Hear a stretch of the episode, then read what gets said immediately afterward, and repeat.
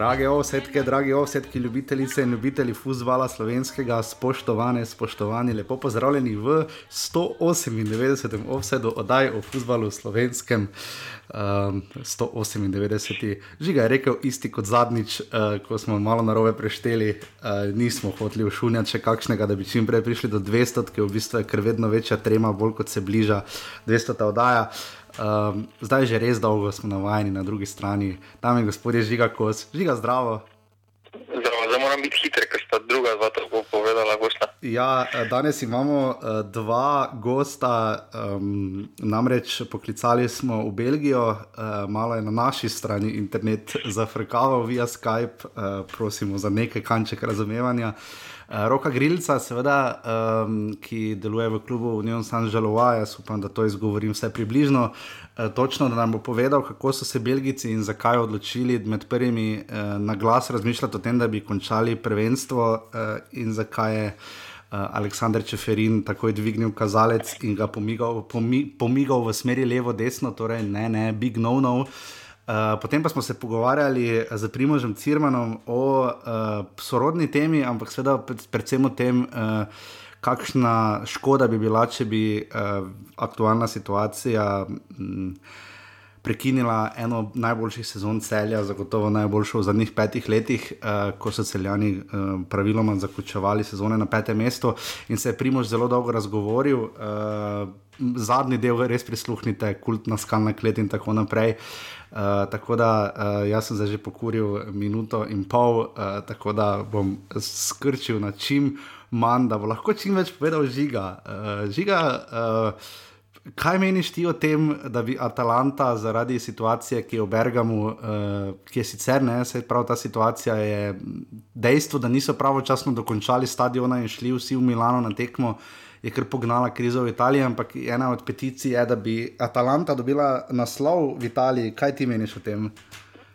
In za mene je to zelo prisrčno, ampak eh, bedasto. No.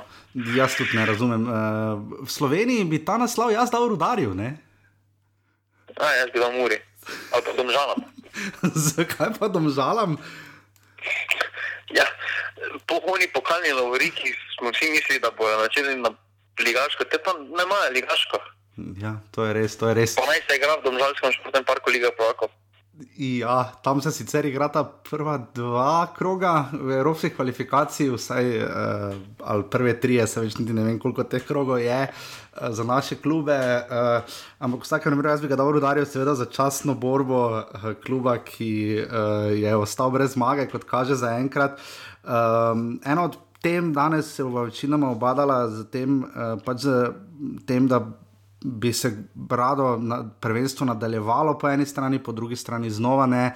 Eh, klubi so izdali skupen zapis, uh, žiga, um, prvoligaši, vemo, združenje prvoligašov ni že ohoho let, uh, zdaj že slabo desetletje skoraj da. Uh, redko kdaj se klubi tako strinjajo, oziroma dajo skupno izjavo. Eh, je to zdaj neki precedenčni primer, da bo to pognalo neko skupno klubsko razmišljanje v tej krizi, se bodo klubi po povezali, ker trenutno se zdi, da so se povezali zato, da bi skupaj nastopili, ne bi rekel proti nogometni zvezi Slovenije, ampak vendarle skupaj nastopili.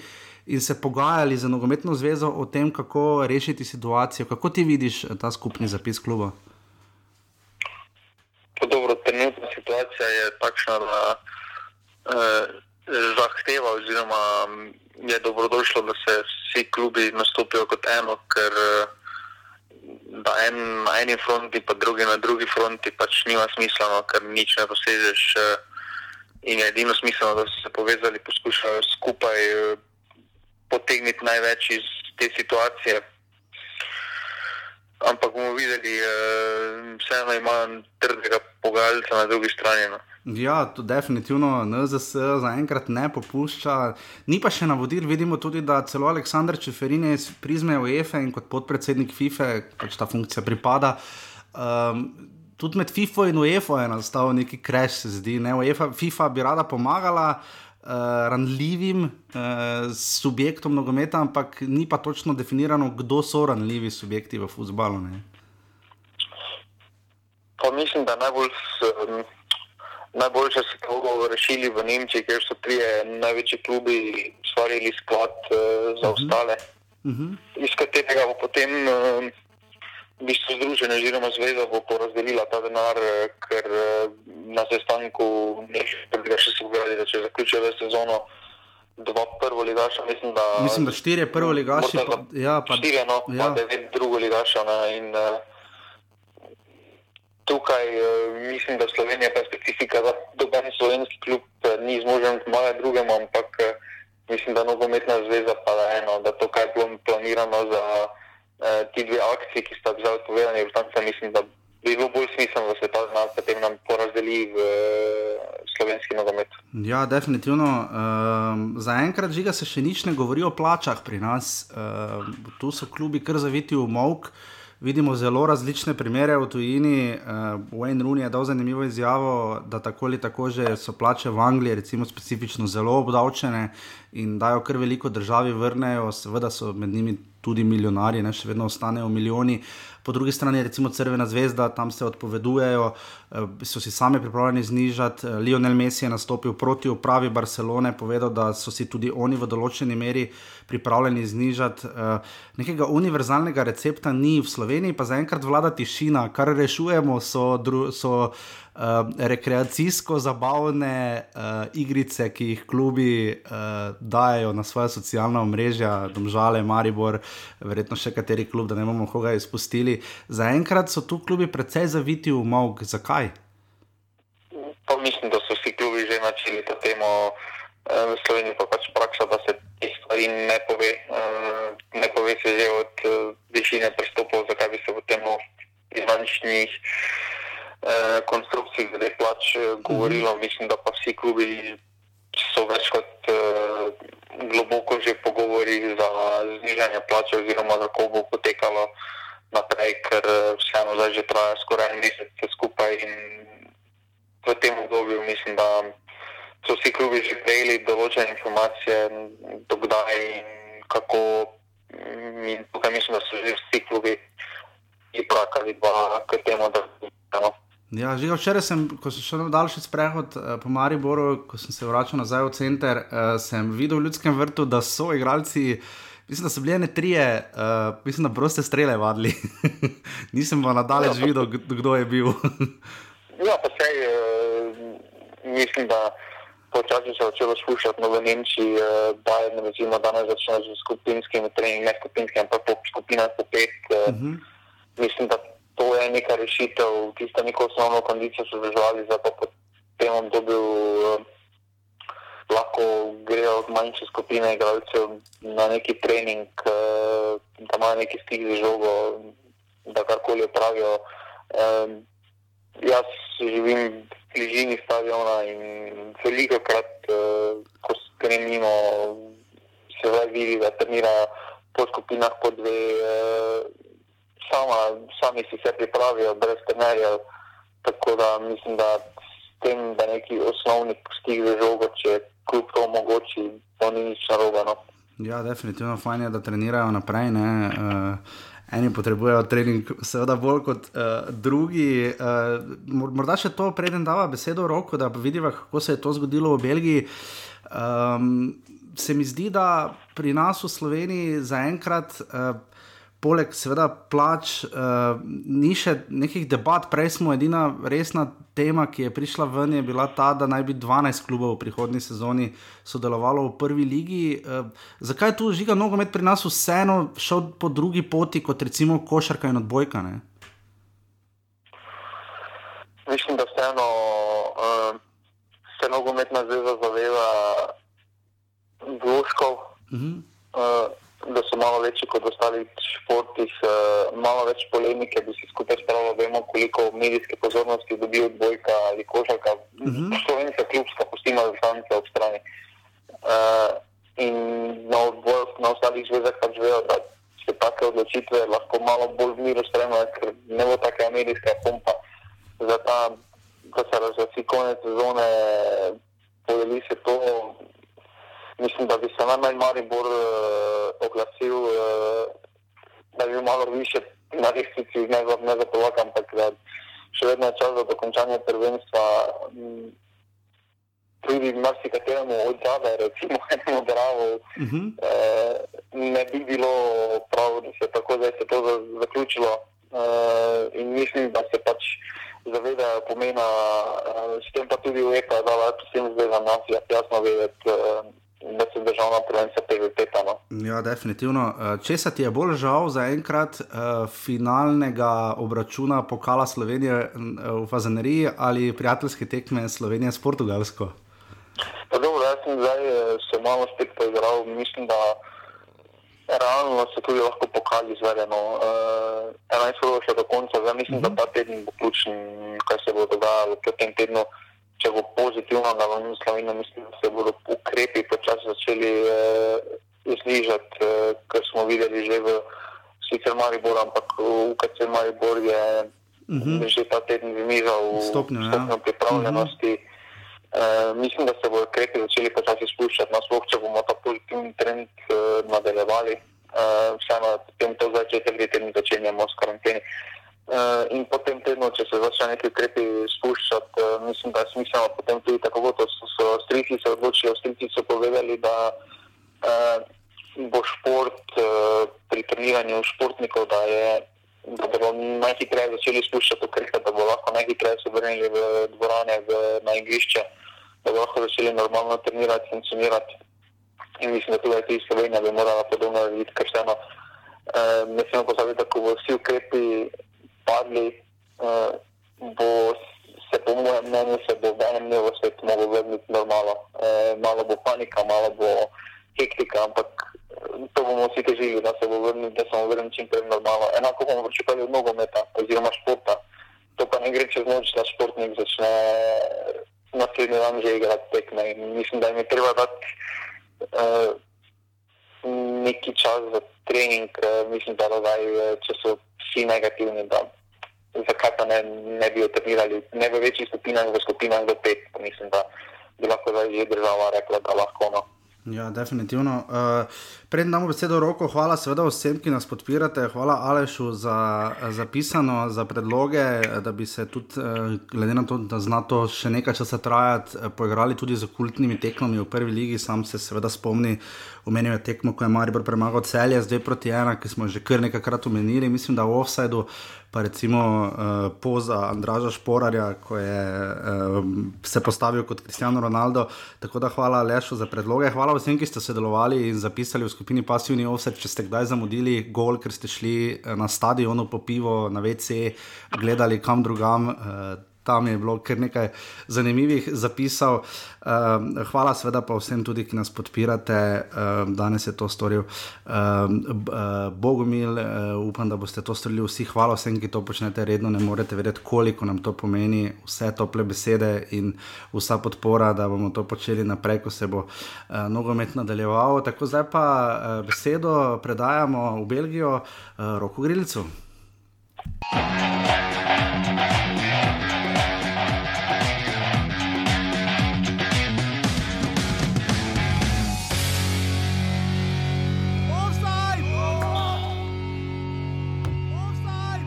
Tako v čas veselja in ponos nam je, da gostimo enega in edinega roka grilca, našega zvestega poslušalca in um, nekoč upamo, da tudi znova, kdaj dobrega nogometnega komentatorja, sicer pa uh, so razvijeni tudi akterja uh, na belgijski nogometni sceni. Rok, zdravo.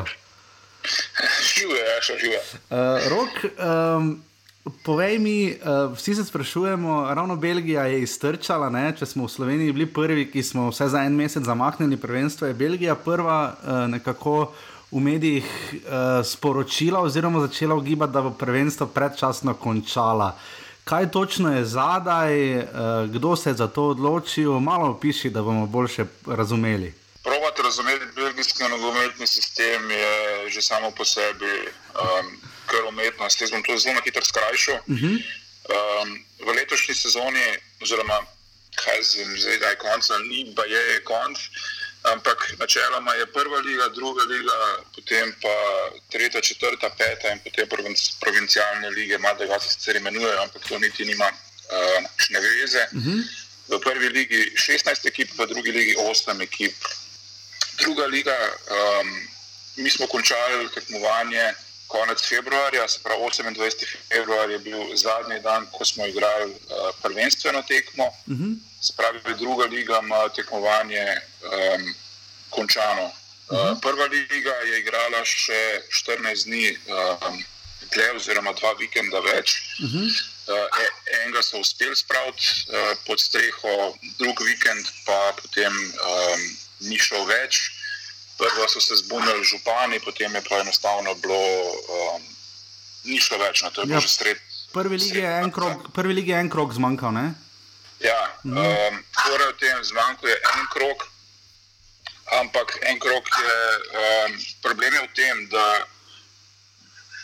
imamo v Belgiji sistem play-offa, se pravi, uh, ko se prvenstvo konča, uradno, ne, prva mhm. liga se konča. Um, in druga liga, potem prvih šest ekip igra v ligi za prvaka, se pravi nek dodaten playoff. Ekipe, deset ekip iz, druge, iz prve lige, pa šest ekip iz druge lige, se pa potem združi in igraš playoff za eno mesto v Ligi Evropa. V glavnem sistem, ki jaz ne vem, kdo je bil pijan, ko si je to izmislil. Um, Belgiji so blazno ponosni na njega in se, um, če ne bi bilo te krize, um, se nihče ne bi niti ubadil s tem, da bi zadevo spremenili. Um, kar je meni, ok, jaz sem pač, um, ne vem, sem jaz čuden, da so bili ti čudni, ampak to je pač um, ni normalen sistem. No. Ampak kdaj Belgija dobi prvaka rok? Državnega prvaka. Kdaj Belgija dobi državnega prvaka prve lige? Uh, ko se v njih šest ekip potem še zgarba. Ok, okay dobro, dobro. Sprašam. Eh, in potem, eh, pa v tem, da pač uh, mi smo čakali, mi smo čakali, mi smo bili v mestu, smo bila, vsi smo šli um, v bistvu po svoje, um, vsaj pa nas v ekipi, nas ni bilo, sploh v Belgiji, pač tuji fanti smo šli domov. Uh, 16. marca je bil datum, ko naj bi začeli s treningi. Še blazno so nam težili, da moramo vsi priti nazaj. Mm -hmm. Jaz sem tako, tako prišel nazaj, ker smo pač z ženo zdaj uh, doma v Belgiji. Da, mm -hmm. Ampak vem, neki letel, recimo Nik Lorbe, ki je letel domov, uh, domov v Belgijo, um, 15. se pravi nedeljo zvečer. Mm -hmm. uh, potem je prišel mesič v nedeljo, um, bomo počakali s treningi do petka, mm -hmm. pa bomo trenirali po. Pač, Po skupinah, tako da so v bistvu ne, uh, ne vidijo fanti in tako naprej, ampak potem je prišel ta um, ukaz, narekovaj za lockdown in so vse skupaj um, končali. Uh, uh, potem so fanti zbežali nazaj domov, dejansko ni vem, da, se, da so bili na vezi z veleposlaništvi našimi v Bruslu, pa v Nemčiji, tako naprej, ker so pač hodili vedeti, da bo lahko prišel domov ali ne. Uh mhm. -huh. Takrat je bilo jasno, da pač to ne bo šlo skozi. Um, Potem je bilo počakanje, počakanje, počakanje. počakanje.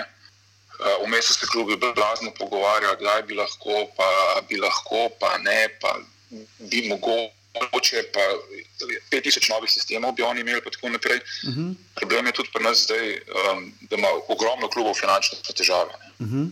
Ampak finančne težave v kakšnem smislu, zlasti uh, izplačilo plač zaradi prihodkov, odhodkov, kje je težava? Kako, um, v Belgiji ki ti plačajo en mesec zamudijo in si gotov.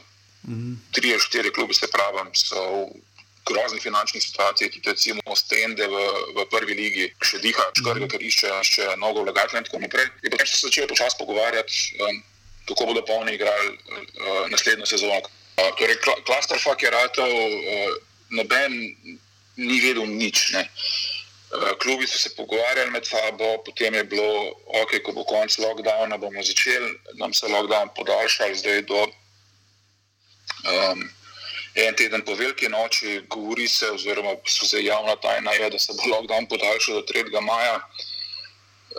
Um, in potem so imeli prejšnji teden sestanek vsi klubi in so gladko rekli, fanti, to je pač to, že prej so klubi pisali um, predsedniku.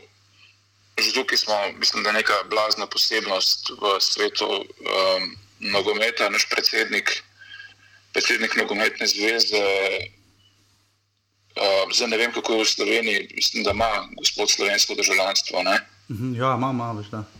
No, uh, naš predsednik ga pač nima, ne? rojen v Iranu s francoskim pasušem, um, zaposlen kot direktor Šalervaja, se pravi, ne? managing director uh, enega kluba iz prve lige, je tudi predsednik nogometne zveze, kar je pač meni osebno, to se pač ne more dogajati. No? Ne, Tako, okay. razumem, ja, razumem. um, to je pač belgijski nogomet. Um, in potem so klubi rekli, ne bomo več igrali. Vsi klubi so več, mislim, da samo Antwerp, dva ali tri, no, so pač rekli, da um, se s tem ne strinjajo, um, da je pač treba končati. In tako naprej, ampak potem so na tem zasedanju se odločili, da um, je prvenstvo konc. Um, kar je jasno problem. Ne? Um, da, če pogledamo na lestvico, se še čist nič, v bistvu, um, ki prav dost, eh, ki prav dost se ne ve, ne? Uh, ker je ena tekma, ena tekma manj. je. Um, ne veste, ali bi Ostende ostal, ali bi Vastan Beveren ostal in tako naprej. Ampak zdaj, če so rekli, da bodo širili ligo na 18, je tako, tako to popolnoma um, brezpredmetno. Um, tudi tista liga um, za šest, prvi šest gre naprej, Mehelen Genk, pa Anderlecht so bili v eni točki in tako naprej. Ampak načeloma mesta, um, mesta za Evropo so bila potrjena, edino, kar ni bilo potrjeno, je bilo um, tisto mesto za Champions League, kjer ima Gent eno točko prednosti pred Šlarvajem, pa Ja. dve pred Mhm. Antwerpom. ne. To je v bistvu edina, edina situacija, uh, ki nekako visi, zdaj glede na to, da je um, Megdi Bajat, um, predsednik tudi Šelarvaja, se mi zdi, da bo Šelarvaj pač rekel, ok, ne bomo igrali teh kvalifikacij za Ligo prvakov, Gent je drugi, ne, si predstavljam. Um, edini problem zna biti Antwerp, ker um, tudi finale pokala ni bodi. Mhm. Ja, se je podobno kot pri nas. Rok, morda še ta del, uh, se ti zdi, da so se belgijski klubi kaj nazaj potegnili zaradi izjav EFE Aleksandra Čeferina, ne, ki tukaj izrazito nasprotuje temu, da bi se prvenstva predčasno končala. Ne? Standi malo pametuje, no, jaz bom tako rekel. Um, pa noče biti nesramen, ampak v Belgiji na dan umre toliko in toliko ljudi. Um, situacija v državi ni, mislim, ni zdaj kritična, mi smo za Italijo, Uh -huh. um, nismo Španija in tako naprej, ampak dosti boljš pa ni. No. Um, in jaz popolnoma razumem klube, da so rekli, da ne, ker um, zdaj potem gledam, recimo, um, ja, pa se lahko fanti trenirajo um, po svoje, pa tako naprej. Ja, pač ne gre, ti rabiš, mi rabimo zdaj, če začnemo trenirati en mesec, da pridemo nekako v formo, kjer naj bi bili. Čeprav fanti več čas individualno trenirajo. Ne. Mhm. Pa si imel občutek Rok, pri igravcih, da je ni, za njih bolje, če se jim pove, ok, sezona je končana, se slišimo, ko bo vsega tega konec, ali da so vendarle nekako še upeti v to in čak, da počakajo, kaj se bo zgodilo. Katera verzija je za njih boljša, kaj, kaj igralci pravijo? Jaz mislim, da um, s- s- zdaj stikov, uh, stikov z, dru, s fanti iz drugih klubov nimam, se pravi, mm -hmm. s prvo ligo. Um, poznam, mislim, poznam enega fanta, imam, ki igra za um, Bruš, ta mm -hmm. um, prsti ta, ki je lani igral pri nas v klubu. Mm -hmm. um, oni so čisto na nekem drugem, ker pač to, to, to je zdaj drug svet. Mi v drugi ligi, mi smo svoje naredili. Zdaj, da se boš ti šest tekem tega playoffa, ki pač roko se cene šteje za nič, ker pot do lige Evropa je grozno, grozno dolga. Um, Pri nas mi zdi, da so fanti kar izklopili. No? Um, da enostavno, da enostavno pač noben ne, ni več v glavi v fusbalu. No?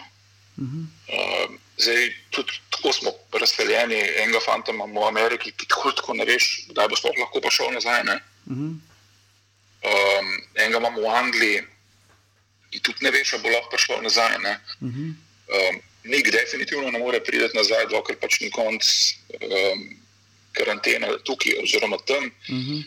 sem prvs. Ja, ja. uh, in tako naprej. In da boš pa zdaj šel z glavo nek skozi zid, um, pa vsi govorijo, pa boš igral juni, julij, august. Uh, v Belgiji mogoče, ja, da se malo mal se spomnim, kako je v Madridu uh mhm. -huh. ali pa v Sevilji sred poletja. Ja, ni fajn. Ja. Ali bodo igrali v dveh zjutraj? Jaz razumem, razumem um, klube, ki si želijo denar od televizijskih pravic in tako naprej. Uh, razumem navijače, um, vedno manj, ampak jih. Um, razumem tudi UEFA v končni fazi. Uh, ampak zdaj bomo vlekli kaj um, prvenstvo do avgusta, septembra, oktobra, kaj boš pa sezone 2021 naredil. Mhm. Glede na to, da imaš Evropsko prvenstvo, spet ne. Ja. Um, in tukaj, tukaj je pač. Um, v Belgiji so vsi za to, da se konča več ali manj. No, razen predvidevam Antwerpna, kot imam informacije tudi iz medijev, so tudi nekateri nogometaši Antwerpna rekli, fanta, da bomo končali, to nima smisla. Um, ker je tudi Antwerp v bistvu najbolj prizadeto um, mesto kar se korona tiče v Belgiji, z naskokom. Uh -huh. um, in je vprašanje, vprašanje, kako se bo to končalo. Pa, so pa bili že sestanki, bajati in pač referenci ste se pogovarjali prejšnji teden, pa še se bodo. Um, je pa tako, da 15. aprila imajo tisti sestanek. Ta zadnji, oziroma ne bi bil ta zadnji, ker ne bi se to uradno potem povedal, kaj je jaz mislim, da bomo forstirali, imamo občutek finale pokala, vsaj, vsaj finale pokala, to, da Antwerp nekaj dobi. No? Um, ker če zgubijo, tudi če Antwerp zgubi pokal, je pač bruš in bodo oni igrali ne, mm -hmm. Evropo. Um, pa bomo pa videli, kaj bo, ne, pa situacija blazno, um, blazno neugodna. Um, ker, so, ker so pač bili ta prvi. Ne? Ker tudi vem, da recimo nizozemci, uh, vsi ti veliki klubi so zato, da se sezona konča. Ne? Vsi ti veliki klubi so zato, da se sezona konča. In -hmm. to so pač države, kjer televizijske pravice vse niso tako bogate. Ne? Noben klub tukaj v tem koncu ne bo izgubil, kaj 58 milijonov ne bi izgubil uh, povprečni premier ligaši. Ja, to so ogromni. Ne, 8, to, 8, ja, 58 milijonov mi, mi to nimamo za 20 let, ok, malo manj proračuna, ampak ne. Ja. Um, tako da ni, ni fajn situacija, je pa dejstvo, recimo, da smo um, mi z glavami končali, nasploh druga liga je, je končana, jaz ne vidim, ne vidim opcije, da bi mi sploh še karkoli brcali, um, bomo po mojem kar lepo počakali. Ja. Rok. Da se vse skupaj konča upamo, da bo prišla neka pametna rešitev za to. Uh, morda čist, ja, čist na kratko, to mi morda povej iz te belgijske izkušnje, odziv ljudi, uh, kako bi se to lahko preneslo recimo na slovenski nogomet, na slovenske lige. Ne? Končati. Končati, ok. Sploh se nimamo, uh, ne vem, mislim pa, v Sloveniji ste še. Um, Probam spremljati, bom zelo na hitro povedal, blazno malo probam spremljati, zato ker me nervira vsa ta situacija. Mm -hmm. Ampak v Sloveniji je epidemija tako dobra, tako dobro vam gre, sploh ne veste, kako dobro vam gre. No. Ja, Probam ja. vas pripričati to nasprotno, ampak vam gre odlično. Ja, vem, vem. Uh, ampak jaz ne, vidim opcije, da bi se, da bi se še igrali. Sicer to pomeni, kaj, da Maribor ni v Evropi. Ne. Ja, ne vem, kaj bo. Da, mislim, glede na to, da pokala ni, ne, bi, če štiri klube moraš dati, potem bi verjetno četrto vrščen iz lige vseeno šel v Evropo. Ne. Res pa je, da pri nas so klubi res na tesno skupaj. Ne. In, ne vem, jaz, ker tudi ne vem, koliko dobijo fanti, koliko dobijo slovenski klubi od TV pravic, si predstavljam, da ne, niso to neki bizarni denarji. 50 jurjev. No, ok, dajmo zaključiti, pa se njih imamo hitati. No. Ja, ja. ja. Bo. Ja, no. pač končati, končati in to je to, zdaj te velike lige. Pa bomo videli, no, jaz recimo, mislim, da v Italiji se to ne bo več igralo letos. Ja, ja. Bomo videli. Rok, najlepša hvala, da si bil naš gost, Novič, in upajmo, da bomo čim prej znova lahko govorili o aktualnem futbalu. Ja, um, počasi tudi meni malo manjka. No. Ja, vedno bolj. Rok, hvala ti, do naslednjič, adijo. Adijo.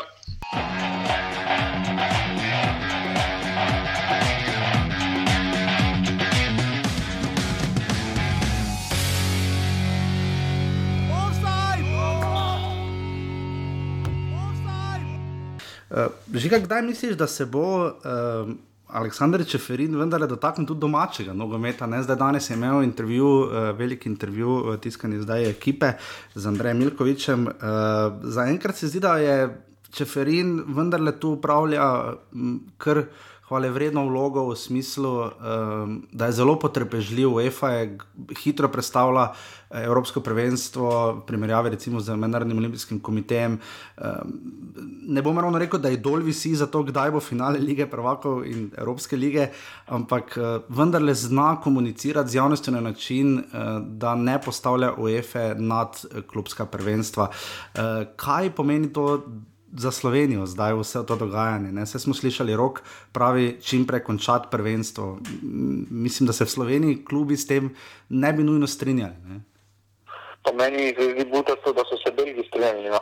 Uh -huh. uh, sicer to, da do meni spade. Ja, pravim, uh, tukaj ni pravi reči, ampak uh, o takih stvarih, o naslovih, o uvrstitev evropskih pokalih se vedno mora odločati. Uh, na igrišču uh, zdaj sredi marca zaključiti prvenstvo na podlagi tega.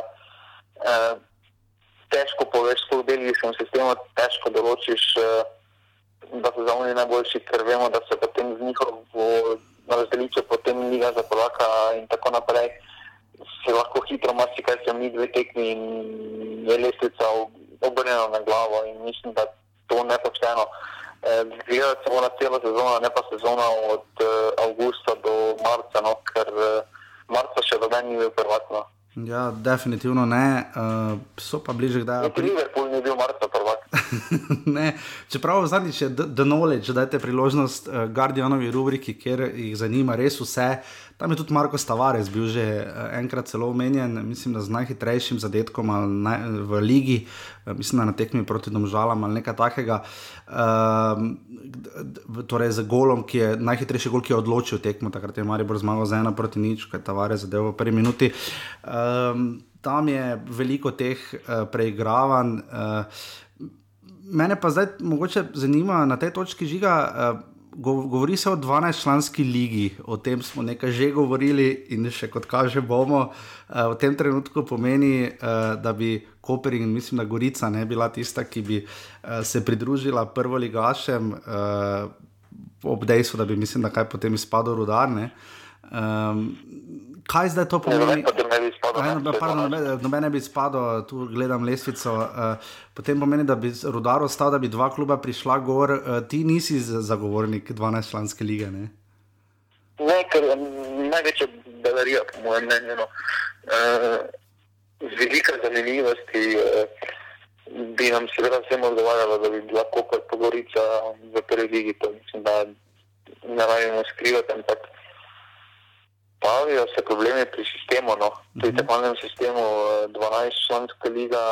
Um, kaj boš naredil, dvokrožni sistem, potem si na 22 tekmah na drugi, to je premalo. Ja, potem bi razdelil uh, liga za prvaka obstanek, kar smo že imeli, pa se ni najbolj obneslo. No. Ja, to je potem tudi eh, spet ta pelgijski sistem, ko m, mm, težko je težko je slediti uh, takih spremembi sistema, pa ni za tako drastično, ampak vseeno uh, najbolj enostavni šport, najbolj popularni šport za tisti, ki so najbolj enostavni mm -hmm. uh, spremljati, ki točno veš, kaj pomeni ta, kaj pomeni to. Uh, potem pa tudi, če razdeliš liga na polaka, liga za obstanek, uh, recimo, da ima sedmi klub uh, 57 točk peti pa, še, šesti pa ima 30 točk. Uh mhm. -huh. Bo pa zaradi tega igral v Ligi za obstanek, pa če se vse točke prenešajo, kaj bo onih deset tekem, bo kaj gledal gor, mislim pa mu je pet točk manjkalo do Evrope. Uh -huh. um, ta razdelitev je za mene butasta, no, oziroma nesmiselna. če pa tri krožni sistem, pa si na 33 tekmah, kar je bilo dovolj, ampak potem pa so vedno one polemike. Ja, ena tekma več doma, tam, tam. Mogoče se poklopi tako, da recimo pride na koncu Maribor Olimpija, pa ima Maribor doma celje Olimpijo, uh, domžale, mura, ostale pa ima zunaj. Mm. Vseeno je to mala prednost primerjave z Olimpijo, ki recimo morala pa se te tekme praviti gostekno. In tukaj pravi, da se to za najšlansko ni, ker je tekmovalni sistem res težko, težko narediti, ne, da bo pravično za vse. Ja, nekako se zdi, zdaj prejšnji teden so generalni sekretarji posameznih zvez se pogovarjali na UEFI in razmišljali, kako in kaj naprej. Um, Nekako se zdi vseeno, da pri nas NZS, uh, ko gre za spremembe, uvajanje sprememb, uh, posodabljanje in lik pokala, uh, kako najti pravo pot. Uh, Nekako, zdaj, ok, pripeljali so na zvezo Mirana Pavlina, je uradno prevzel, postal direktor reprezentanc, eh, dal zelo zanimive istočnice v Sijolovem intervjuju v soboto. Um, kako vidimo to njegovo vlogo, zelo zanimivo se mi zdi, da je vendarle izpostavil, ne, da se je primerilo, mislim, da v 15, uh, da, smo, da, da je slovenska reprezentanca s Hrvaško izgubila kar 6 proti nič. Uh, ampak vemo, da ta vertikala nekako v slovenskem reprezentančnem nogometu ni delovala, glede na to, da postopno prehajanje, lažje prideš do reprezentance, se mi zdi, preko klubskih rezultatov, kot z dobrimi predstavami v mladi reprezentanci. Uh, nimamo dobrih uspehov na področju mladih reprezentanc, čaka nas hudo, veliko uh, organizi organiziranje prvenstva za mlade evropskega, seveda ne v 21, skupaj z Mačarsko, Slovenijo, gosti. Uh, žiga, kako vidimo vlogo Mirana Paulina? Mislim, da vsako vračanje nekdanjih izkušenih uh, nogometašov, ki so počili, postili pečat za slovenske nogomete, je dobrodošlo za uh, slovensko zvezo. Miran Polin zagotovo ima tisti know-how, uh, vseeno veliko let deloval pri Mariboru, spoznal ustroj kluba uh, na tem nivoju primerjajo, imajo priložnost videti, kako se to poteka na najvišjem nivoju v Ligi Prvakov. Uh -huh. uh, ima dosti povezav, uh, deloval tudi eno leto na EFI, kjer je videl, kako tam potekajo stvari. Um, mislim, da so to samo dobrodošle stvari, da je njegova, da njegova vloga bo veliko, uh, je veliko širša kot pa samo direktor, resnično. Uh -huh da lahko marsikaterem aspektu pomaga, pa če to v pisarni, kako se izdaja papire, bojo to rešili uh, na drug način. Uh, mislim, da vseeno uh, čim več takšnih ljudi nazaj na zvezo, no, kot sta recimo Novakovič, Pavlin, pa še marsikdo. No. Bodo morda kdaj prišlo do vprašanja, da bi še više prišlo do zamenjav, ne zdaj. Uh, era Raden Kamijatoviča še ni tako dolga, da bi popolnoma jo podpisali, ampak vendarle pač pripeljal je seveda nazaj Matjaža Keka na čelo reprezentance. Uh, zdaj pri pokalu ligi ni sprememb, uh, ok, druga liga se je spremenila, ampak uh, in je, pri, in je prišlo do izboljšav oziroma do pozitivnih odzivov. Uh, vidiva tu morda kakšen čas, da bo morda tudi na NZS prišlo do nekaj sprememb, ker zdaj, zdaj se zdi nekako rigidno, ne? da bi nekako vsi želeli, da bi stvari delovale tako, kot so, ampak več kot očitno je, da po tej krizi bo marsikaj moralo biti drugače. Pa mislim, da prvo, kar se tiče, da bi kdorkoli hotel, kaj se je v klubskem nogometu, da bi moral priti nekdo. Bolj z ekonomskega vidika, mm -hmm. no, mislim, da ne toliko z um, nekdanjim nogometašem, eh, ker se eno večina naših nekdanjih nogometašov praktično nekaj stika s slovenskim klubskim nogometom mm -hmm. ni imela oziroma pravega. Mm -hmm. e, tako da ni razlike, ali pride na čelo oziroma odloča o tem nekdanji nogometaš ali nekdo ekonomist. Ekonomist se mi še eno zdi, da lahko gleda malo bolj z, e, z bolj z bolj izven tega, se omakne iz tega, lahko pogledam brezčustveno, bolj objektivno in gleda na to kot produkt, eh, kako ta produkt ponuditi eh, čim več, čim večjemu številu ljudi, eh, da bo čim bolj dostopen, po drugi strani pa čim več dobiti za njega nazaj. Mm. Mislim, da, mislim, da je problem do zdaj samo umetne zveze, da niso gledali na vse slovenski klubski nogomet kot na produkt, ki ga lahko ponudijo, ki ga Mhm. ponujajo. Mhm. Ampak so pač glavni produkti za njih instanca, potem pa nogomet pa pač tam zato, ker vsaka zveza mora imeti eh, praktično ligo. Ja. Eh, bolj zato deluje. Na- m, Pa naj pač na trenutke deluje tako in mislim, da tukaj je tudi ključno, da bi eh, tisti, ki pride, da bi postavil spet združenje prvih gašov, eh, da bi ligo odcepil od nogometne zveze, eh, da se določi, da vsak klub, ki je v prvi ligi, ima 10% produkta v lasti in potem tudi vsako težo odloča o tem produktu. Ja, definitivno vemo sorodno s eh, Združenjem prvoligašev poskušajo obuditi oziroma ga redefinirati na Hrvaškem, ker prav tako težko tam, že zgodovinsko težko pridejo do soglasja. Vemo recimo, da Osijek gradi nov stadion. Drugi, z mačarsko podporo, po drugi strani eh, Damir Miškovič z reke ko- komaj čaka, podobno kot Milan Mandarič, da bi se iz teh naložb umaknil. Zato bo zelo zanimivo videti, kaj se bo zgodilo z nogometom. Potem, uh, žiga, nekaj aktualnih intervjujev je še bilo. Um, Darko Milanič je v delu uh, govoril približno tako, kot je Marijo igral. Sem tudi slišal pod uh, njegovo uh, taktiko, zlasti na koncu.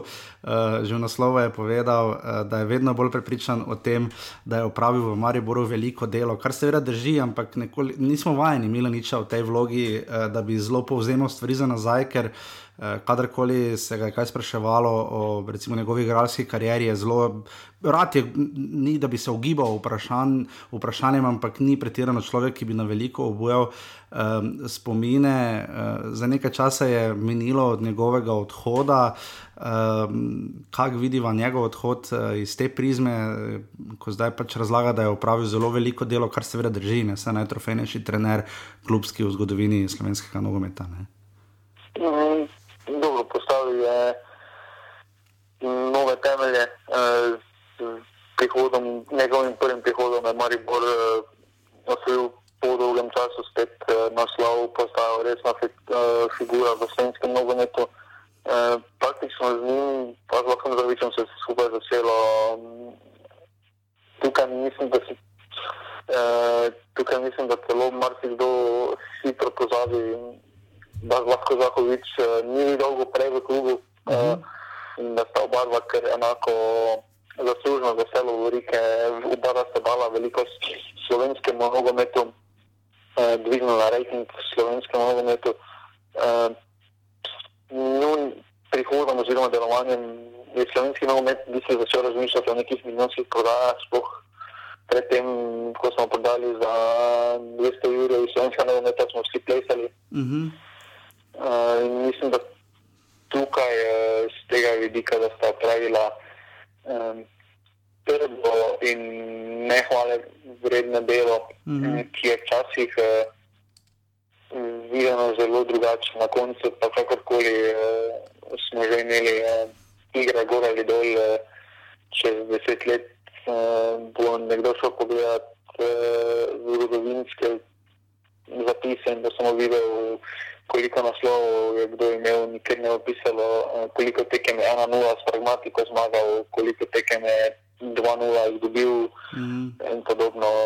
Mm, To so potem za tiste malo bolj podrobne, ampak eh, vsi pogledamo eh, naslov, najprej naslove, potem pa govorimo, ali je nekdo uspel ali ne. Ja, zagotovo. Uh, tudi danes večer smo lahko prebrali Branko Ilič. Uh, zanimiva izjava se mi je zdela tista, da bi seveda manj morali pri plačah, ko se bodo, če se bodo nižale, uh, odrezati seveda tistim, ki dobijo najmanj. Ne? Eni igrajo tudi za 500 evrov v slovenski ligi ali pa za 1000, recimo, ne? uh, pa so povrhu na SP-jih. Uh, Pa Ami Ružnič je tudi zanimivo danes povedal, da ne pričakuje, da se bo kaj veliko dogajalo na nogometni tržnici letos poleti, mogoče kakšen prestop, večinoma pa bodo posojeni in da se zna to uh, preleviti celo v, celo v zimski prestopni rok naslednji, da tudi takrat ne bo veliko prestopov, glede na sedanji razvoj dogodkov. Uh, kateri klubi žiga znajo tu najbolj nasrkati, tisti večji ali tisti manjši, kar se tiče tega, da bo dejavnosti, kot kaže na, tr na nogometni tržnici, manj?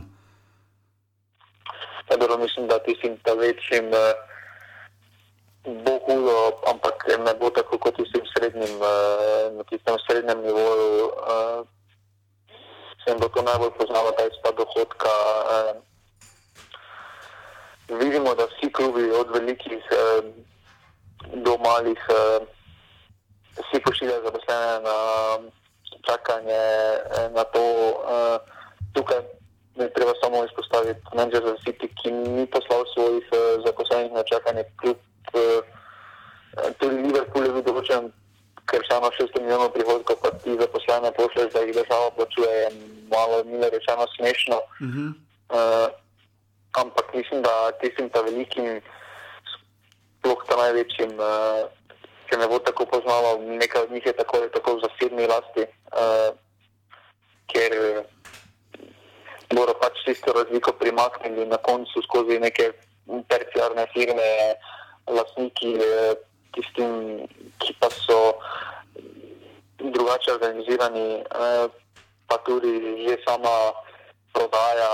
Um, kart, potem uh, dresov, artiklov, drugih sponzorskih aktivnosti. Mislim da, mislim, da se ne bo tako poznalo, ker še eno uh, vidimo, kaj se zdaj dogaja s televizijskimi pravicami ja. za beloruski nogomet, uh, ko praktično cel svet jih uh, hoče kupiti. Uh, mislim, da se bo to potem isto zgodilo v Barceloni, Realu, uh, da za njih bodo te pravice šle zgorno, ker se eno televizije čim hitreje hotele ponuditi uh, takšen nogomet in bodo zagotovo kakšen uh, denar več uh, dobili na ta račun. Uh, potem pa tudi tukaj sponzorji, mislim, da bodo tem večjim klubom šli tudi nasproti, ker bodo vedeli, da se bodo tako začeli ta uvod mediji in uh, da ne bi bilo smiselno, da bi se omaknili iz takšnega kluba. Uh, Po drugi strani pa je ena srednja kluba, ki je mogoče dvakrat, petkrat na nacionalni televiziji, ostalo pa igram brez nekih prenosov, uh, pa se hitro zna zgoditi, da se več sponzor umakne, oziroma boš malo manj, manjša vložek. No. Ja, definitivno. Eh, kaj pa v Sloveniji, ne? kateri klub, mislim, zdi se, da. En večji prestop bo prej rešil manjši klub, kot večji. Ne? Če bi tabor nekoga prodal za lep denar, mu bo ta denar pomenil na dolgi rok mnogo več kot Olimpije ali pa Mariboro. Mm, mislim, da zdaj se prihajamo v tisto obdobje, že nogometa, ko bo vsaka prodaja, mm. vsaka kluba mu veliko pomenila. Uh, trenutno še sam uh, ne vidim uh, razloga za strah pri nekaterih, razen pri udaru, mogoče uh, za neki obstoj kluba na dolgoročni. Ampak ostali se mi zdi, uh, da so vseeno malo, da so finančno urejeni klubi, uh, ki so razdelali prihodke, odhodke že pred sezono in zdaj samo uredijo to. Mislim, da bodo tukaj tisti klubi, ki bodo držali sponzorje, da bo mogoče smiselno, da rečem ponuditi, da se zdaj manjše, potem pa ta denar, ki so ga izgubili pri teh plačah, si lahko preko premije zaslužijo. Mm. Uh, tako da tukaj je vedno dvorežni meč. Mislim, da na koncu uh, bodo klubi tudi na račun te krize. Um, imeli više obiskanost v, zadnjem, v zadnjih krogih, mm -hmm. uh, ker se eno folk fajn čaka. Ja. Mogo imeti, sploh če se mhm. bo v maju začelo, ti konec junija, začetek julija, ti so znali biti kritični v smislu dopustov, ampak uh, maja mislim, da lahko, bi, lahko pričakujemo povišen obisk. No. Ja, definitivno. Uh, Upamo, seveda, da tudi v celju iz uh, medija ne cenzurirano, da je seveda jim priložnost, uh, zelo, zelo garajo. Uh, prihaja seveda naš naslednji gost, veliko smo rekli o celju, žiga je predvideval, da ste bomo več kot pol časa pogovarjali o tem, kako dober je Mitja Lotrič. Kot boste videli, se nismo toliko o tem pogovarjali. Žiga, daj mi ti povej, kako se tebi zdi stadion v celju? Glede ki sem sedel na zadnje, ko sem bil tam, se mi zdi zelo slabo stanje. No. ja, zanimivo, kako se stadioni. Um, kasneje zgrajeni stadioni, ne se kaj, 2-4, 2-5 so odprli, 2-4, mislim, da Areno Petrol tedaj, zdaj stadion zdaj žele, uh, torej 16 let pa je stadion. V nekaterih ozirih se mi zdi, da zunaj zgleda boljše kot notno, kar je ponavadi v Sloveniji ravno obratno. Uh, več seveda o celskem nogometu, pa nogometu nasploh, pa zdaj iz necenzurirano, pika si Primoš Cirman.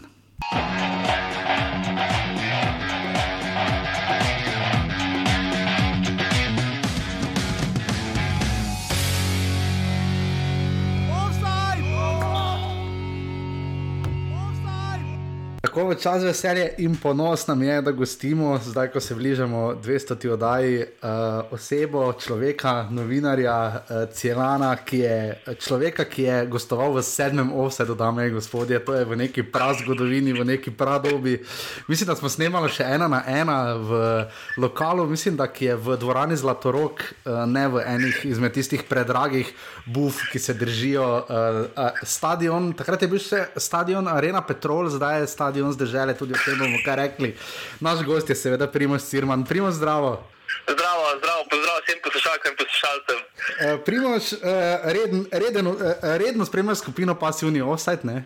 Absolutno. Absolutno. E, sploh zdaj v času karantene, ko živim kot papež, e, hodim na balkon in maham ljudem.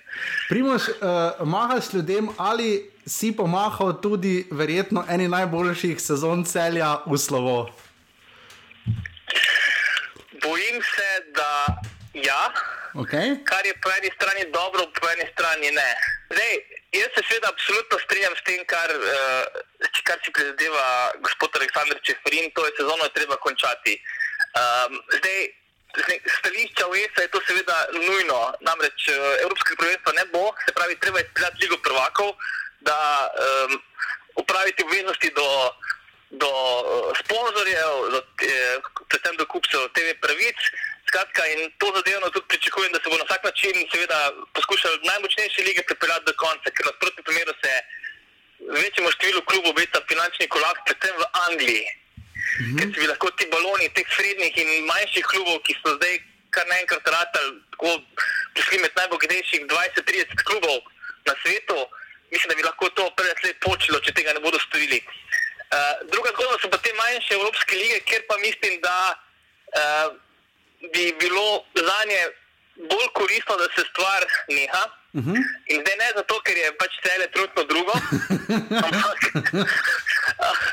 ampak enostavno uh, zato, ker si nekaj ne predstavlja, da bi zdaj, ne spomnim se več, kdaj bi bilo na zadnjem nogometašu v slovenski ligi toliko časa neaktivni, uh mhm. -huh. pravi, zdaj pa treba speljati neke mini priprave, zato da smo potem dejansko odigrali nekaj kol v norem ritmu in potem praktično takoj začela naslednja sezona. Skratka, um, tako z tega športno-fizičnega stališča je to precej čudno, še bolj pa z ekonomskega, ker se mi zdi, da um, bi klubom z ekonomskega stališča precej bolj koristilo, da sezono nehajo se nekako prestopni rok začne zdaj in poskušajo rešiti uh, svoje proračune s neko prodajo igralcev, ker brez tega jih bo tudi dosti, po moje, prejeli zaslo v krizo. No? Tako je pač moje mnenje in mislim, da tukaj je treba gledati ločeno na interese največjih in na interese malih, ker uh, zdi se mi, da um, ta kriza v športu oziroma nogometu um, bo sicer povzročila, da bodo nekateri bogati manj bogati, uh mhm. -huh. vendar po drugi strani mislim, da se bodo razlike še povečale. Namreč uh mhm. -huh. finančnega fepla mislim, da več ne bo uh mhm. -huh. in tisti, ki smo bili zdaj revni, bodo res še bolj revni. Ali pa celo ne bo več, kar smo videli recimo, na slovaškem primeru Žiline, ja. uh, Žiline ja, mm -hmm. ki je dejansko potem, ko igralci niso pristali na znižanje plač, tako je razglasila insolventnost. Mislim, da bo takih verov zna biti v tem nižjem srednjem razredu in spodnjem razredu evropskega nogometa ogromno in dejansko um, se za posamezne države bojim, mislim, da tudi v Sloveniji je ta strah upravičen. Um, v drugih športih smo že videli prvenstvo končano v košarki mm -hmm. rokometu ravno zaradi tega mm -hmm. razloga. Odbojke, ja. Mislim, da mhm. tukaj brez nekega, neke finančne intervencije nogometne zveze Slovenije enostavno eni ne bodo preživeli. Ravno to sem te mislil vprašati, če se zadrživa tu. Namreč eh, Žiga mi je sicer rekel, da boš pol intervjuja porabil za to, da boš razlagal, da je Mitja Lotrič najboljši na svetu, ampak da tja še pridemo. Uh, pri, primož, uh, zanima me namreč uh, sledeče. Uh, UEFA, FIFA, sedita na, vlasti UEFA sedijo na balah denarja. Ne? Res, da se je zdaj ta bala denarja, ki jo pričakujejo iz naslova Evropskega prvenstva, premaknila, da se bo napolnila v roku enega leta. Ne? Ampak vendar eh, te neposredne podpore, zdaj klubi smo videli, da so dali skupno izjavo. To je prvič, da so se klubi v čemer koli strinjali, odkar več ni združenje prvo ligaša, vsaj jaz bi rekel iz glave. Misliš, da se lahko zgodi ta vendarle neka sprememba, da bo vendarle eh, UEFA nakazovala denar posameznim uh, zvezam tudi zato, da bodo te pomagale klubom, ne zgolj infrastrukturno, ampak tudi finančno neposredno. Ne? Se bo to zgodilo? Um, ne vem, ker eh, nisem, nisem insider. Vem, da je pač ultimat, dejansko, ki ga je podpovedi Belgijske lige, uh, mhm. dobili, ki so ga dobili vsi ostali, je, je jasen, treba je stvari dokončati, če ni Evrope. Uh mhm. -huh. in, ampak mislim, da je ta ultimat še enkrat namenjen največjim in da se bo mogoče lahko nekako ta merila prilagodilo, glede na velikost posameznih trgov ali lik. Mislim, logika je čisto enostavna. Če pač tekmo delaš dobiček, je logično, da je tvoj interes da jo izpelješ. Če pa s tekmami večinoma delaš izgubo, kot je primer tukaj v Sloveniji, potem je v interesu dejansko, da sezono pač eh, jo. Kot bi rekel uh, kolega Jože, označi za korona sezono, uh mhm. -huh. jo končaš, priznaš verjetno mestne rezultate in, in to je to, in začneš na novo. Okay. Pričemer mislim pa, ne glede na to na finančne injekcije, če bojo v Slovenijo recimo prišle, za infrastrukturo tako ali tako več ne potrebujemo, kajti uh, bojo manj um, ogromno igrišč za umetno travo je bilo narejenih, recimo v zadnjih letih v Sloveniji.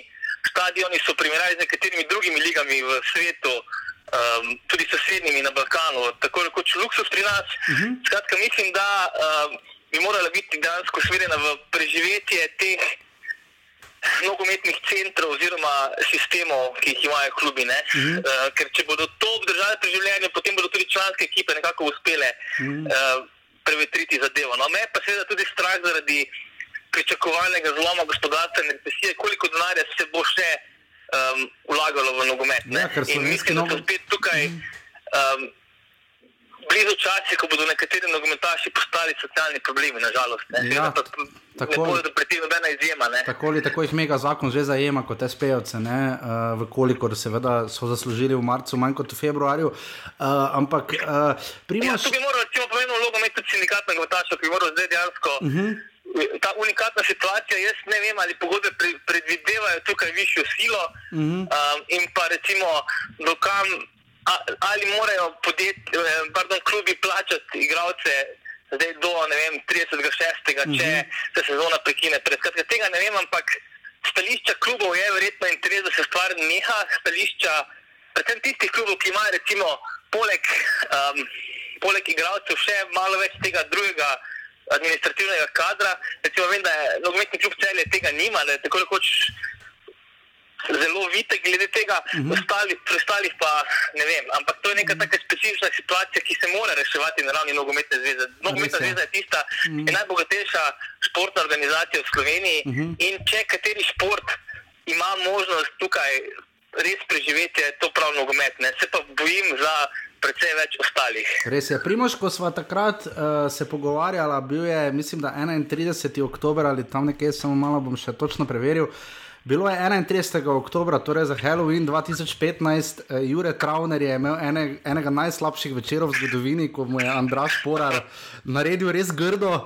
Uh, tistih... Nič, nič štiri, ne? Nič štiri, da drži. Uh, takrat je celje po 13 krogih imelo uh, zgolj dve zmagi, drugič je zmagalo krok predtem v Zavrču za čuda in pa doma prav tako premagalo Zavrč.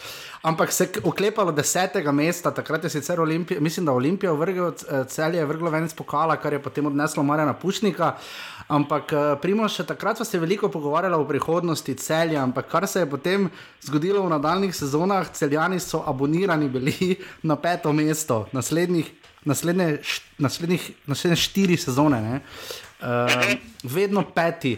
Uh, žiga, ko, ko je žiga pisal. Um, istočnice za vsak klub, eh, za, za, zdaj, ko pač čakamo na nadaljevanje nogometa, je pri celju napisal, da je to nekak tihi mož slovenskega nogometa. Ne? Celjani so zdaj poleg Maribora še edini. Tradicionalen klub, uh, zgolj en pokalni naslov, dve drugi mesti. Uh, kaj se je v tem času spremenilo iz prizme letošnje sezone? Zakaj letos celje, kot kaže, ne bo peto?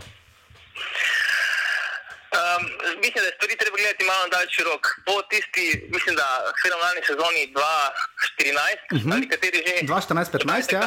Mhm. Ko je bilo cele praktično do konca s tisto generacijo Benjamina Verbiča um, v boju za naslov državnega prvaka, uh -huh. se je logično zgodilo, da je ta generacija uh, razpadla. To je uh -huh. pač logična usoda uh, klubov sredine lestvice, kot je celje.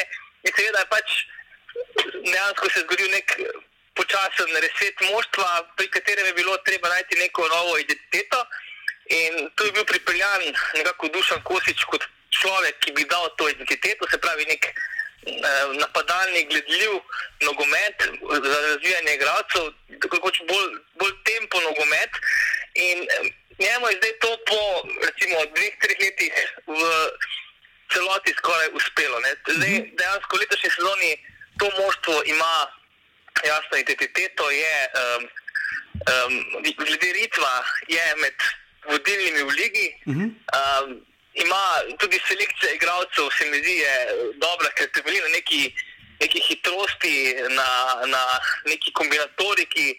Um, poleg tega pa so pač posamezni fanti, ki so tukaj že uh, nekaj časa, se mi zdi, postali zreli igralci. In, um, da se sposobni reševati tudi iz nekih situacij, s katerih se v preteklosti niso. Recimo, uh mhm. -huh. tipični primer je bila predčasna tekma proti Bravo, uh mhm. -huh. ki bi v nekih prejšnjih zonah celje doma gladko izgubilo, tu pa je dejansko izvleklo nekaj remi 2-2, ki je izgledal ja. uh mhm. -huh. kot neuspeh, ampak ta točka je dejansko bila dobljena na karakter.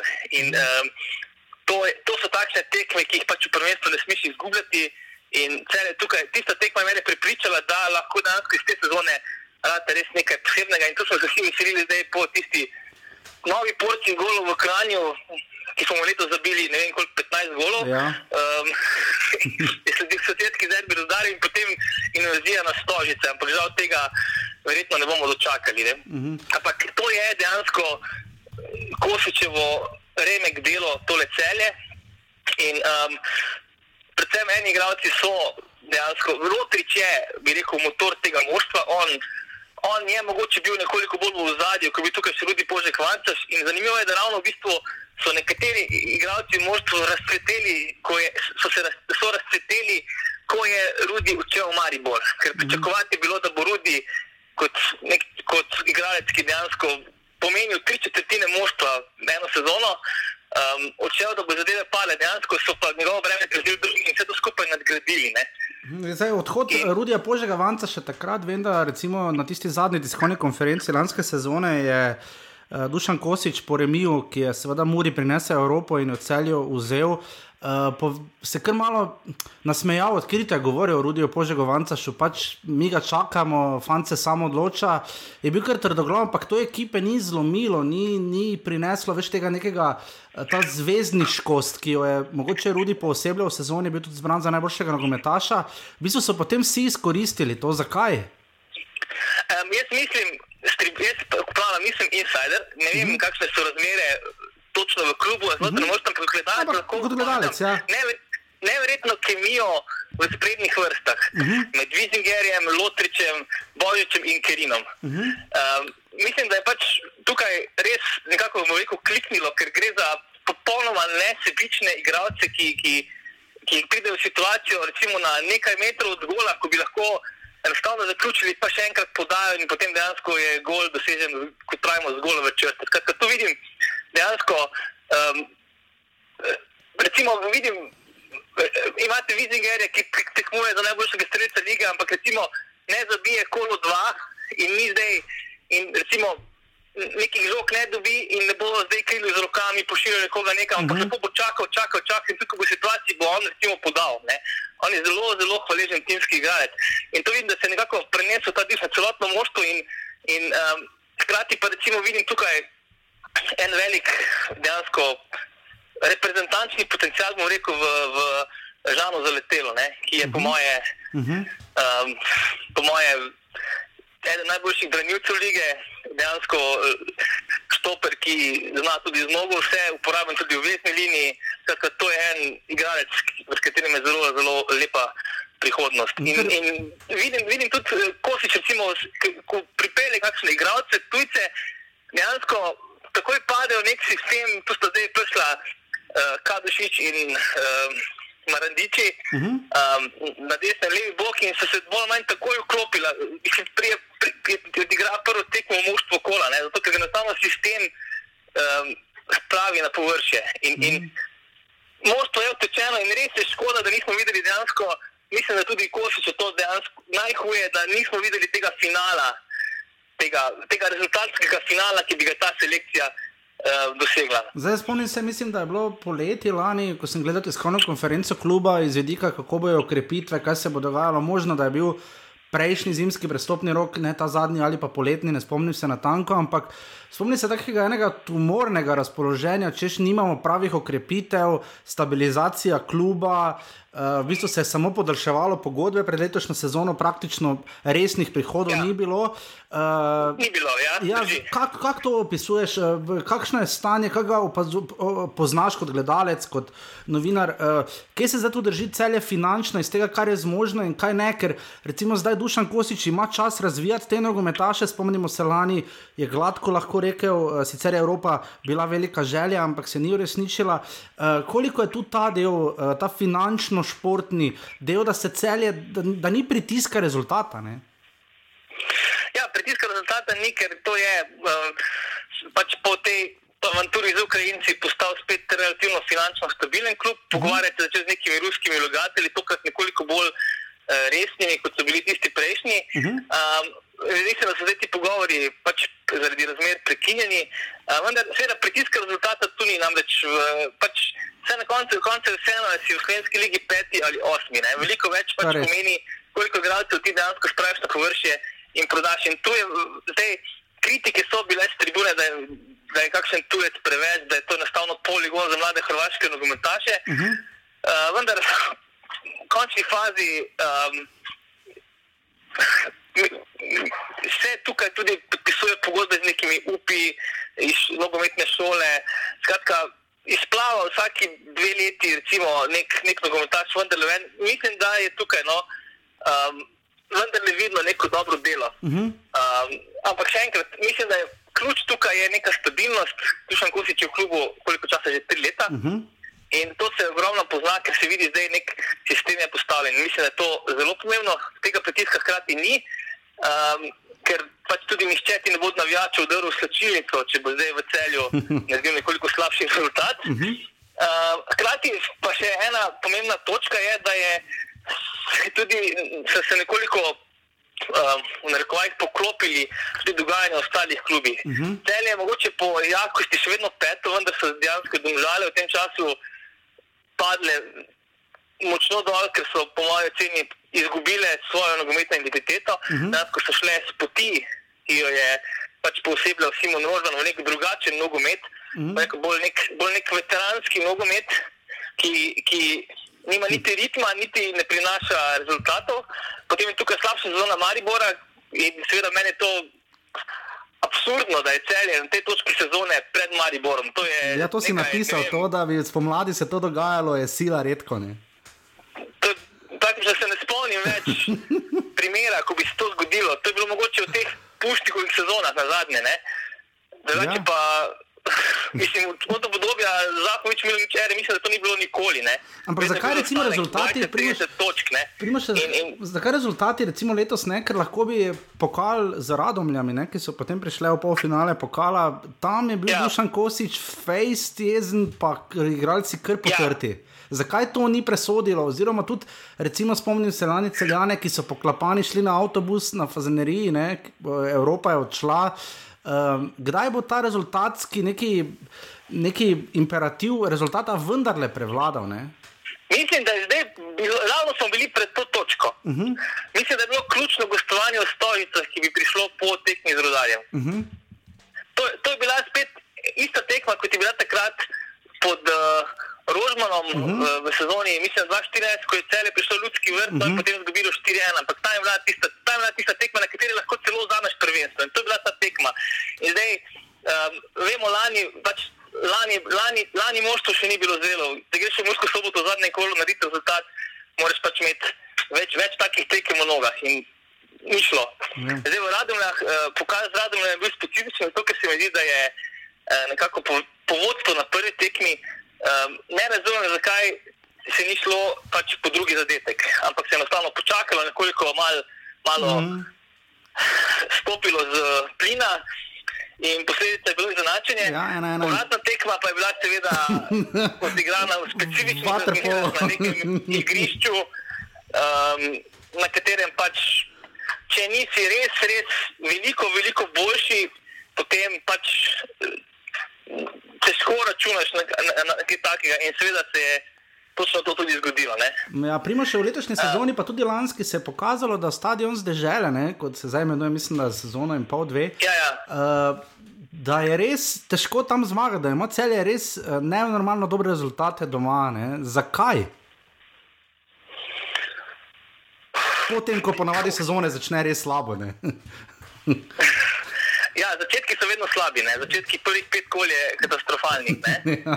Potem, potem se nekako do 8. in 10. kola vse vnese kot, kot nekakšen dizel. Ne? Mm. Ampak uh, jaz mislim, da je pač eh, enostavno moštvo bilo letos, da ni to neka zadeva povezana s stadionom, mm -hmm. enostavno je moštvo se je razvilo.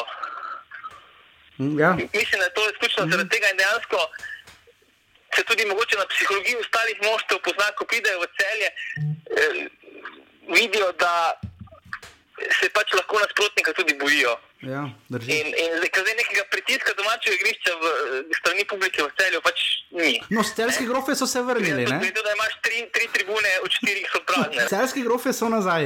Ja, ja so nazaj, so nazaj in, je, in je so, to je recimo delni faktor, ampak vse ne, ne bi zdaj mo, mogoče delno pripomoglo z nekim vzdušjem, ampak mislim, da je tudi publika letos letos vidim, da je nekako sprejela to množstvo za svoje. Mm. Bil sem praktično na vsaki tekmi in, in dejansko vidim tudi aplauze po koncu, pridejo dol, potem čestitati igralcev. Skratka, vse, in svet na teh glavnih tekmah pa dejansko vse polno. Skratka, so tudi pripravljeni potrpeti, recimo tekmo, domača tekma z Muro je bila zelo mm -hmm. mučna, ampak ena nič, mislim, da bo ena nič ali dva mm -hmm. nič. Um, skratka, to je bila zadnja tekma, mislim, da je jesenskega dela. Mm -hmm. Skratka, to so tako težke tekme, ki jih je moštvo dobilo. Mm. V celju imamo radi delovski nogomet, se pravi, ja. nogomet, v katerem se bori, uh, teče, nekako ti neki um, vic, igravci, mm -hmm. nikoli niso imeli kaj prida tolerance v celju, zato ker pač tukaj, to je rokometno mesto in uh, tukaj je treba dati vse od sebe, da te publika koliko toliko spreme in letos letos je bilo ta borbenost vidna. Ja, Poprečje gledalcev je pa še vedno 975 na tekmo, za primerjavo, pusti za Mursko soboto, ker jih je čez 2000 na tekmo, ne? ampak recimo za primerjavo domžale pa 785. Ne? Uh, nekako je rokomet razlog, zakaj celje ne more iti po poti, recimo, domžal, ne? ker tu bi se lahko neka primerjava na eni točki vzpostavila ne? med celjem in uh, domžalami. Dva, dva, dva razloga, dva razloga sta. Uh mhm. -huh. Prvi razlog je, da je v celju je konkurenca športov velika. Okay. Uh, mogoče niste vedeli, da je. Uh, Vsak 82 celjan registriran športnik in potem je v poprečju prvi, smo prvi v Sloveniji. Ti si uh, registriran? Ponudba je velika, imate, imate rokomet, imate uh -huh eh, nogomet, imate košarko v ena BDI, ki je polna. Uh -huh. Hokej. Ne? Hokej, žensko košarko, ja. ženski rokomet, skratka, uh -huh. um, ogromno stvari in, in se seveda se to hitro porazgubi. Um, in ker tudi na rokometu znajo povedati, da ni več tako, kot je včasih bilo, da je gledalcev uh -huh. manj, da je atmosfera ja. slabša. Uh -huh. Res pa je, da rokomet, v, klub, rokometne klubu ogromno dajo na, na te um, tako imen event management, s katerim privabljajo, privabljajo gledalce na tekme. Mm -hmm. yeah. Zdaj, da že uro, dve pretekmo so tam yeah, ja, ja. yeah. napihljive igrače, eh, koncert, skratka. Um, no, drugi razlog pa je, da um, smo bili letos stik pred tem odmevnim rezultatom. Namreč, ko, ko pa se euforija nekako zakuha, ko enkrat vidijo, da je celje tretje, drugo, takrat se potem začne. Mm. Se... Takrat pa potem, takrat pa potem res kot celjani, ki spremljajo nogomet, ampak ne hodijo na tekme, takrat dejansko pride na tekme. Ja, primaš, in, in zato mi je ravno za te, te sezone v bistvu zelo, zelo žal. Zato sem ravno mislil še vprašati. Uh, Prej so že malo namignili, da bi bila letos, pa ne samo za Mitijo Lotriča, Darja Vizingerja in ekipo in Dušana Kosiča, ne na zadnje. Nek prelomna ta sezona, kdaj bo vendarle Evropa postala rezultat, veš, ker vseeno od zadnje sez evropske sezone je že 2015, ne? letos bo že pet let, ja, kar je slabo. Ja, Vroclav, mislim, da se je Sebastian ja. Gobec na tisti tekmi poslovil, če se prav spomnim. Ja.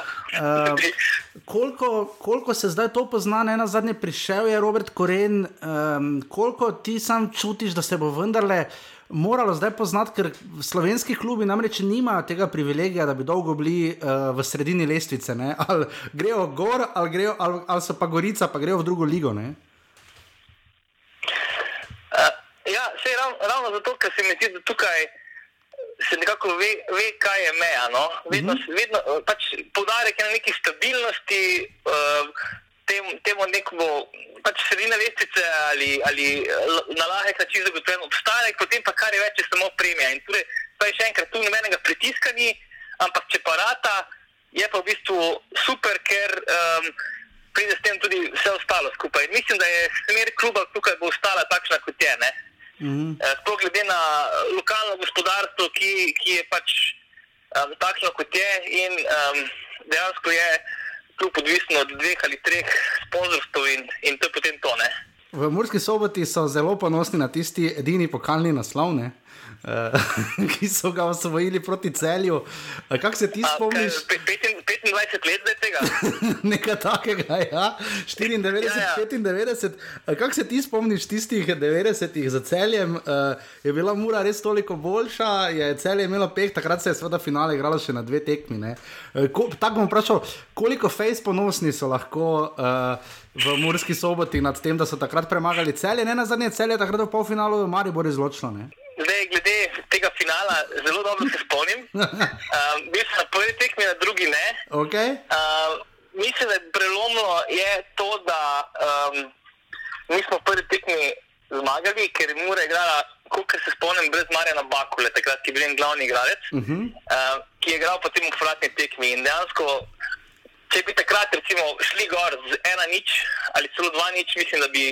Uh, gladko dobili. Tako pa so šli gor z ena, ena in potem se je takrat na Mura je znala zelo dobro stati na terenu. To, se, to so bili zelo izkušeni igravci, uh, so bili Petr Breznik, Ferry Cifer, um, mislim, da je bil še Haris Ali Hodžic, skratka, to so bili um, res. Neko narekovaj igračine, ki so znali igrati na rezultat. In, um, pač takrat ni šlo. Drugač pa 90 let se imam zelo prijetne spomine. Okay. Um, namreč uh, celje je bilo takrat ob osamosvojitvi dejansko na robu propada. Uh -huh.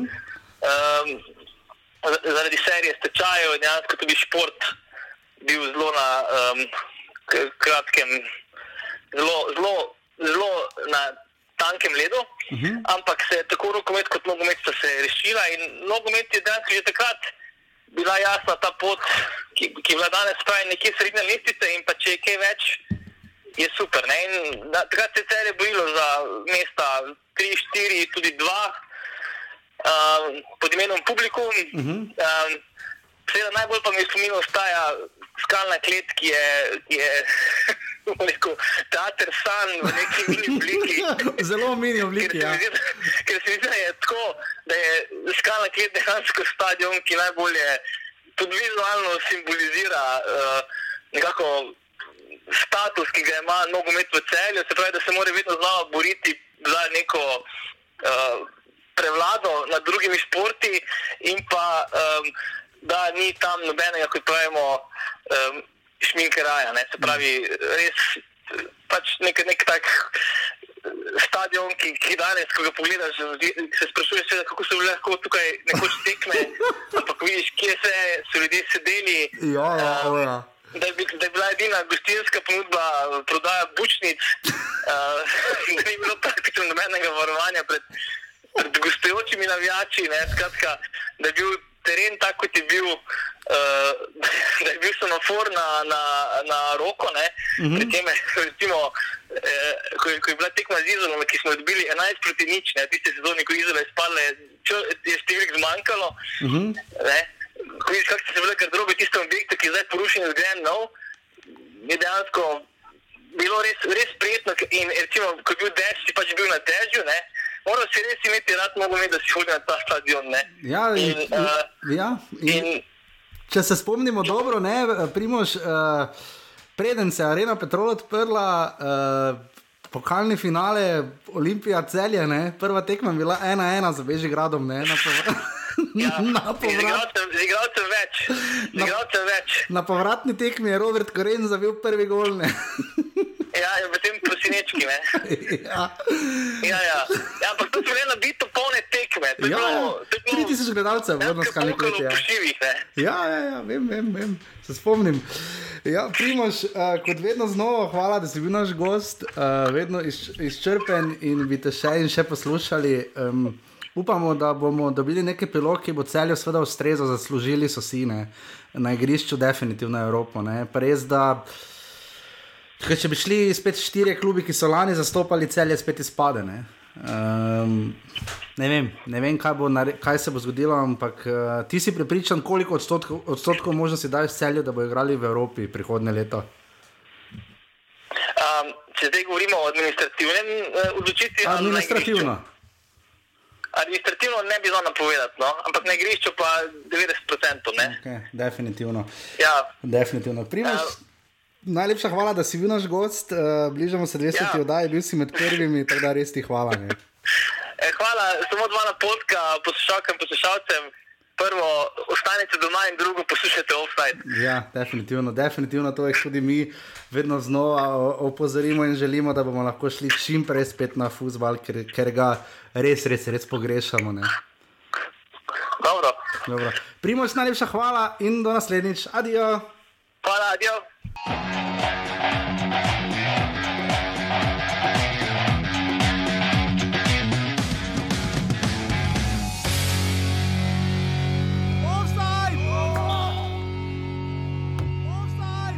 Hvala seveda Primožu, hvala Roku in seveda vsem, ki ste in še boste naši gosti. Jo, ko se spomnim za sedme oddaje, moj bog, ki je že to.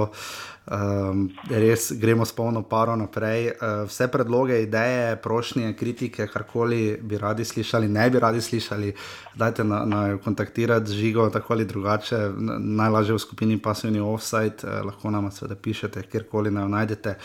Uh, lahko da ste tudi kakšno oceno v Apple podcast, uh, bo zelo prišlo prav, da vidijo podcast še uh, drugi. Um, kaj reči, uh, vedno topleje bo, ne? Uh, ljudje res vedno bolj pogrešamo futbal. Uh, žiga, kak si ti krajšaš čas? Tako rečem, čas, da znam gledati, pa ni več, da greš videti televizijo, znam gledati. Res Nič se mi več ne ja. da. Hočem pa eni sami gledati serijo, pa si kupim serijo, pa potem mi postane tako dolg, da sem tragično. Res izvajam uh, neke tabele za odbojko, pa ono, pa ono, da si malo skrajšam čas, ampak uh, je za igri kar mučno, že uh, res kar mučno postalo. Ja, vedno bolj. Eh, lahko smo sedaj prebrali ena lepša zgodba, eh, Sara Nemet, eh, vratarka reprezentance, eh, študentka. Eh, eh, mislim, da zdravstvenih ved v Ljubljani dela na infekcijski kliniki in tam pomaga. In, Uh, upamo, seveda, uh, da je bo šlo čim boljše pri premagovanju te krize. Uh, Uh, ker jaz tako razmišljam, ko poslušamo, o čem se vse pogovarjamo, se mi zdi, da skušamo razmišljati o teh obstoječih okvirih, uh, kar je verjetno popolnoma racionalno in normalno, ampak verjetno se bo marsikaj spremenilo, um, ker se mi zdi, da nogomet zna biti predvsej na udaru. Uh, jaz sem o tem razmišljal, se mi zdi že takoj ob nastanku krize, pa ne da bi mislil, da sem bil spredaj ali karkoli, ampak takrat sva s Tomažem Cudrom razmišljala o pač pomenu nogometa, kaj nogomet predstavlja v družbi, o tem, koliko bo moral se premisliti na novo. Um, Kaj sam vidiš ta delno napad na plače igralcev, ker nogomet ima podoben problem, recimo, ali pa podoben izziv, bom raje tako rekel, politično hiperkorekten. Um, Kot ga imajo družbena mreža, ne, zlasti Facebook, uh, ne nujno žrtev vlastnega uspeha, ampak pač pozna se, da pač odkar je nogomet dosegel takšno pozornost, kot jo ima, uh, je pač dosegel tudi takšen denar. Povedano preprosto, igravci so pač svinsko dobro plačani, zato ker, mi, ker smo jih mi pripravljeni gledati na televiziji. Ne. Uh, se zna to spremeniti, ker uh, nogomet ni, pre, ni prešel točke, da bi, ni še prešel točke, da bi postal banalen v svoji, v svoji milijonski sferi. Uh, če tako primerjamo, ne, recimo. Um, tudi, tudi pri nas, ne na zadnje, če bi jih primerjali z nekaterimi drugimi športi, ampak pri nas so te primerjave zelo nehvaležne in zelo specifične. Če bi smučanje pa nogomet primerjali, se praktično ne da jabolke in hruške. Ampak žiga, vidiš ti to, da bi se nogomet zbanaliziral, da se bodo ljudje uprli, da so igravci preveč plačani. Kako vidiš ti ta del? Mm, To si že sam povedal, odgovor. Eh, igralci pač ne tega, koliko smo jih mi pripravljeni. Uh mhm. -huh. Pa noče eno plačati, eh, če mi ne bi gledali, eh, če mi ne bi kupovali, če mi ne bi hodili na tekme, uh mhm. -huh. bi, se ti, bi se ti njihovi dohodki konkretno zmanjšali. Uh, ampak uh, to je ena krat ena. No. Je pa treba povedati tudi pozornosti, ki dobijo nogomet, tudi ene izmed tretjih športov, kjer je vse javno, uh -huh. uh, ker so dohodki. Eh, prihodki eh, klubov, vse skupaj je enostavno dostopno z enim pisom v Google, dobiš praktično, kdo ima koliko plačo. Vem, da laga zdaj pa pred vsakim letom mm -hmm. pripravi lesnico po vseh klubih, kdo je mhm. koliko plačan. Eh, tega v ostalih športih ni toliko, no. mm -hmm. za tiste največje se govori, so malo neuradne informacije, malo uradne, malo mešanice, ampak doben eh, pa ni konkretni. Zato tudi je veliko raže konkretizirati v nogometu kot športu takem. Vam pa lahko 30 postov zved, eh, vseeno zaslužite toliko pa toliko, da teh 30 postov se vam to ne pozna toliko in je pač to ta razlika. Pač pozorne so pridajo tudi problemi. No. Mm, ja, definitivno. Uh, se, misliš, da bo, jaz ugibam, da neke večje spremembe ne bo, ampak eh, nismo še nič razmišljali o obisku na samih tekmah na slovenskih stadionih. Uh, bo po tej krizi obisk večji, ker bodo ljudje radi šli na tekme, če bo seveda možno sedeti drug ob drugem, vkolikor ne bo meter pa pol razdalje, kar ponekod ne bo težava, recimo v stožicah. Uh, ampak eh, ali bo obisk približno enako kot je bil, ali bo obisk padel, ker bodo ljudje pač, ko bodo lahko šli ven, šli najprej obiskati uh, vse, ki, ki jih zdaj ne morejo, ker bodo šli ne vem, v naravo, ker bodo se dobivali, kjerkoli se pač radi dobivajo, počeli vse druge stvari. Jaz mislim, da nekega velikega nihanja v Sloveniji ne bo, se motim. Pa mislim, da bo, no, počasi bomo vsi imeli eh, dovolj narave, dovolj in eh, bomo pogrešali malo drugačen stik, malo drugačno preživljanje prostega časa in mnogo med, eh, oziroma šport bo hitro ponudil neko rešitev. Ja, zdaj, eh, da ne pozabimo, ne v Sloveniji se bo liga nadaljevala, če se bo, ko se bo ali se bo, bi se nadaljevala z 26. krogom, v tem primeru bi uh, v Aluminiju, v Aluminiju doma v Kidričevem gostil Muro. Ne? Uh, to bi bilo še posebej zanimivo. Uh, tabor bi doma gostil Olimpijo, kar bi tudi bil, po mojem, dober obisk. Celje bi igralo z rodarjem, uh, Savinsko-Šaleški derbi, Bravo bi se pomeril s Triglavom doma v zelo pomembni tekmi.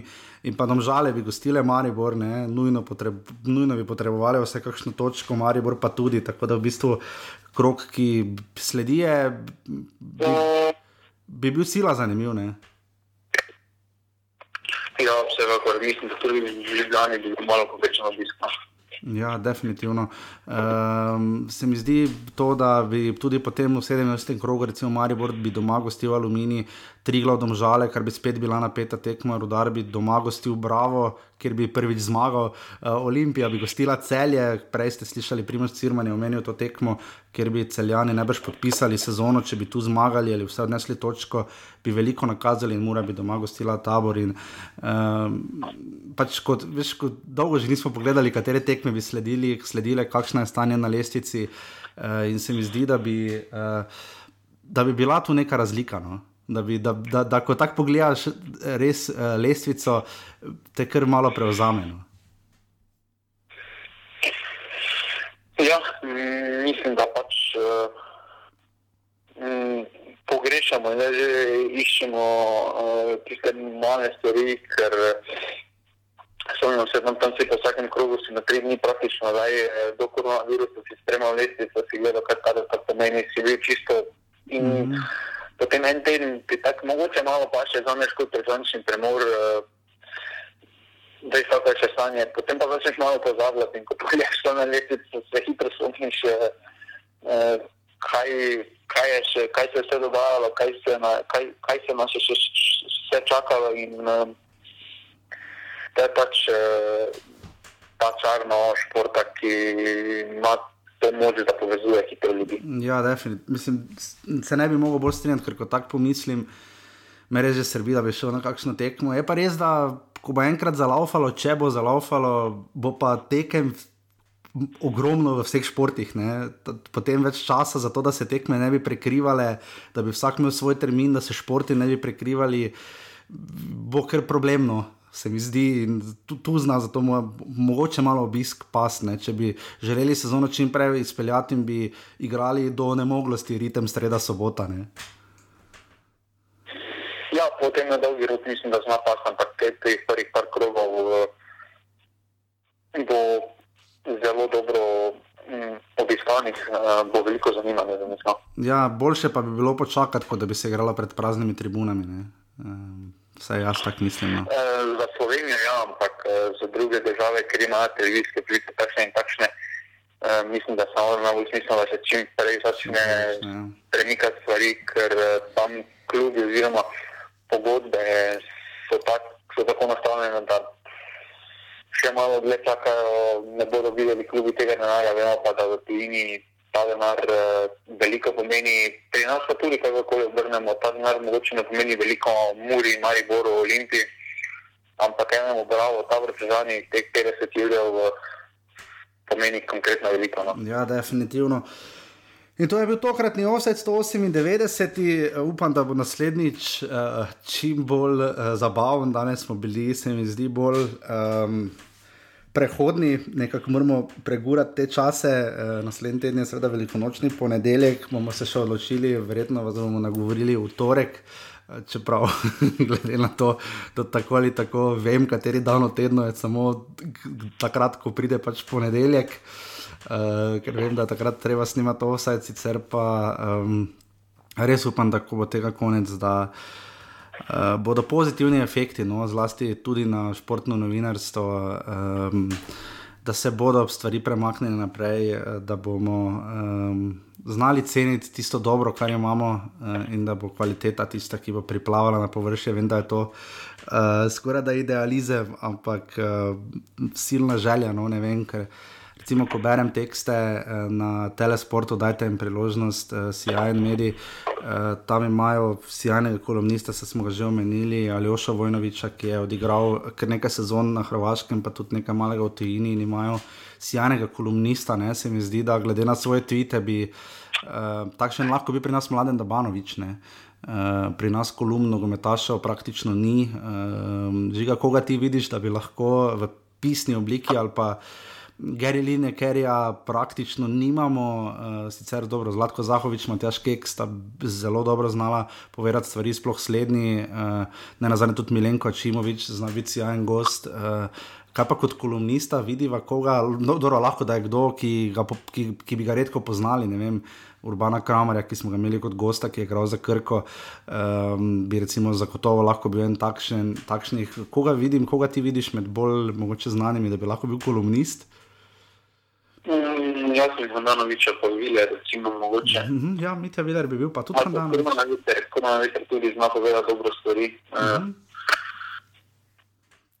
uh, to, no, v slovenskem drugem, pa trenutno, uh, mogoče kakšne še liga. Mm -hmm, še liga bi tudi mogoče znal biti, strinjam. Ja se strinjam, ker to nam manjka. E, to, kar dela telesport v Sloveniji, zaenkrat nimamo. Um, bi si vsi enkrat želeli, glede na to, kakšen športni narod smo, tudi to smo v vse do sedaj že omenjali. Ampak ja, seveda, gledaj, Vilerjevo kolumno, kdo je ne bi bral, ne? ali pa Handanovič, tudi če lige, recimo. Uh, ali pa kakšnega sodnika, Drago Kos, recimo, bi se tu lahko dobro uh, pojavil, ali pa Milan Mitrovič, če bi ga to interesiralo. Ne? Ampak zaenkrat smo tu še žiga, uh, kako ti kot bralec vidiš, kaj bi se moralo zgoditi, uh, se je to utopija ali ni? Ne? Uh, mislim, da trenutno to je slovenski načrt utopija. No. Ja. Upamo, da se bo kdaj spremenilo. Zato pa imamo offset, uh, še dve oddaji, predloge, ideje, želje za 200 oddajo, žiga si ti še kaj dodatno na mudrju, kaj bi lahko uštimala za 200 oddajo. Ne, jaz bolj pričakujem, da me smiljen preseneti, no, kot da, bi se s tem ukvarjal. No. Ja, lahko bi nas smiljen s čim presenetil, naš redni in zvesti poslušalec. Uh, ne na zadnje, uh, človek je medijska osebnost, ne je omenjen v medijih. Ne? Ja, plus tega speaker. Uh, na fotografiji. Res je. Žiga, če se znajdemo v offsajdu, imamo kaj? Ja, še ni hitro preživljeno. Ja, to še, to še kar drži. Uh, čeprav uh, jaz zdaj nisem tako pozoren, to sem se namreč zadnjič vprašal. Uh, ti si bolj instagramovski, nogometaši pridno objavljajo, kakšne pa imajo frizure v teh dneh? Pa nisem bil pozoren na Facebook. Vem, da ne, ampak če si slučajno opazil, ne, ker da nogometaši radi grejo k frizerju, oziroma če so res dobri nogometaši, so navajeni, da frizeri s privat letali pridejo k njim. Uh, me ne bi čudilo, če bi bili kar marljivo postriženi, ker zdaj pa karantena pa zdaj že traja koliko, skoraj tri tedne. Ne? Jaz mislim, da to, kako so oni pri frizerju, po, tak, po taki količini obiskov se že moraš tam postrižiti. Ja, In to je bil 198 offside, tako kot prejšnji teden, upam, da ne vsak teden. Uh, upam, da je bilo izčrpno. Hvala vsem, ki ste seveda prišli do konca, hvala Roku, hvala Primožu, hvala vsem, ki nas podpirate, uh, hvala tebi, Žiga. Um, bi še rad kaj posebej povedal. Včasih tako težko končam, uh, ko pridemo do konca oddaje, ker ponovadi na koncu je najlepše. Ne, ne trenutno, da imaš na dan več nič. Ja, okay.